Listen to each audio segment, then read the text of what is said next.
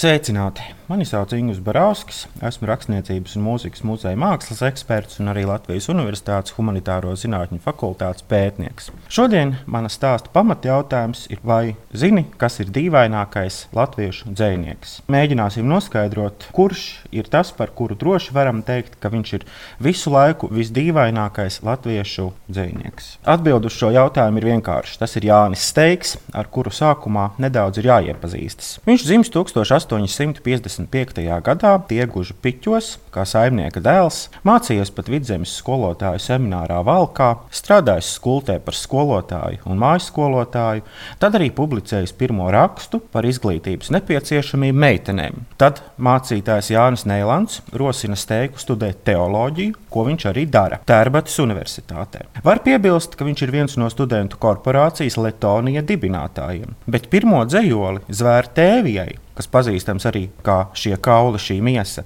publicējis 1882. gadā žurnālā Pagalms. Pēc tam presē regulāri turpina parādīties vēl steika dzējoļi. Viņa dzīve bijusi raiba un ļoti neparasta. Varbūt te arī iemesls viņa neparastajai dzējai. No kokneses draudzes līdz Pleskavai, Kaukāzam, tad izceļošana uz Ameriku, kur viņš ir mācītājs Bostonas latviešiem līdz 1921. gadam, Ņujorkas latviešiem gan tikai vienu gadu, kad steigs atgriežas Latvijā, kur līdz pat 25. gadam strādā par mācītāju Limbaģu draugai. Ne tikai viņa dzēja ir dīvaina, bet arī uzvedība ir dīvaina.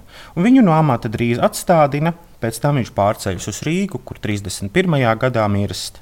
Par dīvaino uzvedību piebildīšu, ka tā laika preses ziņās pat rakstīts, ka steiku neoficiāli uzraudzījuši četru dažādu slimību speciālisti, kuru spriedums ir pavisam vienkāršs. Kas teiks, ir tikai savādnieks. To mēs varam atrast laikrakstā jaunākās ziņas 1932. gadā. Steika atstātais literārais mantojums nav liels. Viņa dzējoļi publicēti gan viņa dzīves laika presē, gan arī paša izdotajā laikrakstā, kura nosaukums arī atbilst steika spēlēm ar skaņu. Proti, laikrakstu sauc Dieva sveiksme, bet visi darbi vienopus izdoti tikai 2004. gadā krājumā izlase.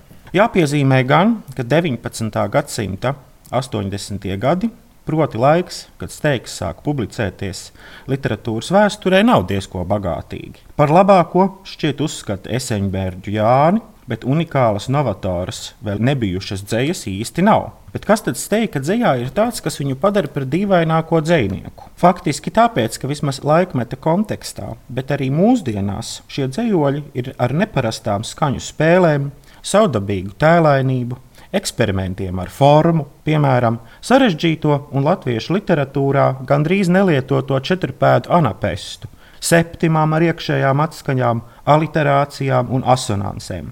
Citēšu tikai trīs rindas šim piemēram. Diezgan spoku, diezgan joku, kur kultūris to kuli tur, virsū raksts ir kultūra. Šajās rindās arī atklājas manis minētie literatūras zinātniskie termini. Neparasta ir arī viņa aizraušanās ar fantastiskām, pat nudien absurdām, bet nenoliedz mākslinieckām etimoloģijām. Turklāt daudzi no viņu izgudrotajiem skaidrojumiem jau ir kļuvuši par folkloru, aizmirstot to sākotnējo izcelsmi.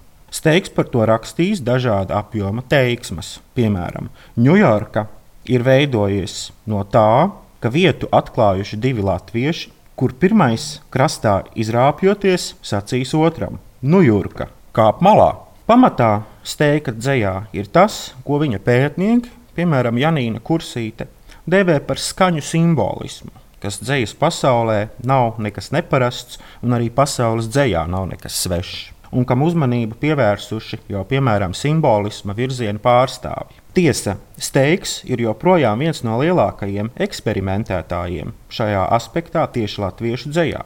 Un neskatoties tikai uz iepriekš minēto vai faktu, ka Steigs ir teju vienīgais latviešu absurdists, viņa dzēja iegūst arī sociāli aktīvu nostāju. Nevar noliegt arī to, ka Steigs ir tas, ko varētu saukt par triksteru, jogdari, uz ko norāda arī visi viņa pētnieki.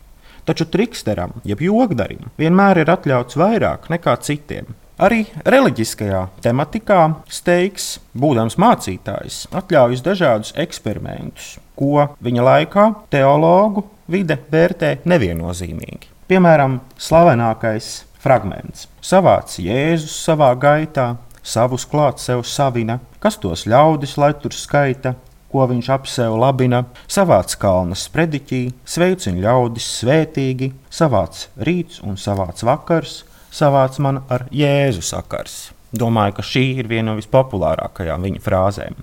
Dažiem tas šķiet neparasti, dažiem smieklīgi, dažiem nepieņemami, tomēr steigs savā dzīvē un dzējā nekad nav pārtraucis balansēt starp paradoksu un spēli. Nobeigumā jāsaka, kaut gan pēdējā laikā steiku atceras biežāk. Tomēr jāsacina, ka līdz galam vēl šis neparastais un īpatnējais latviešu autors nav iepazīts. Tomēr varbūt šis mans stāsts arī mudinās sameklēt steika dzīvoļu krājumu un iepazīties ar viņu tuvāk.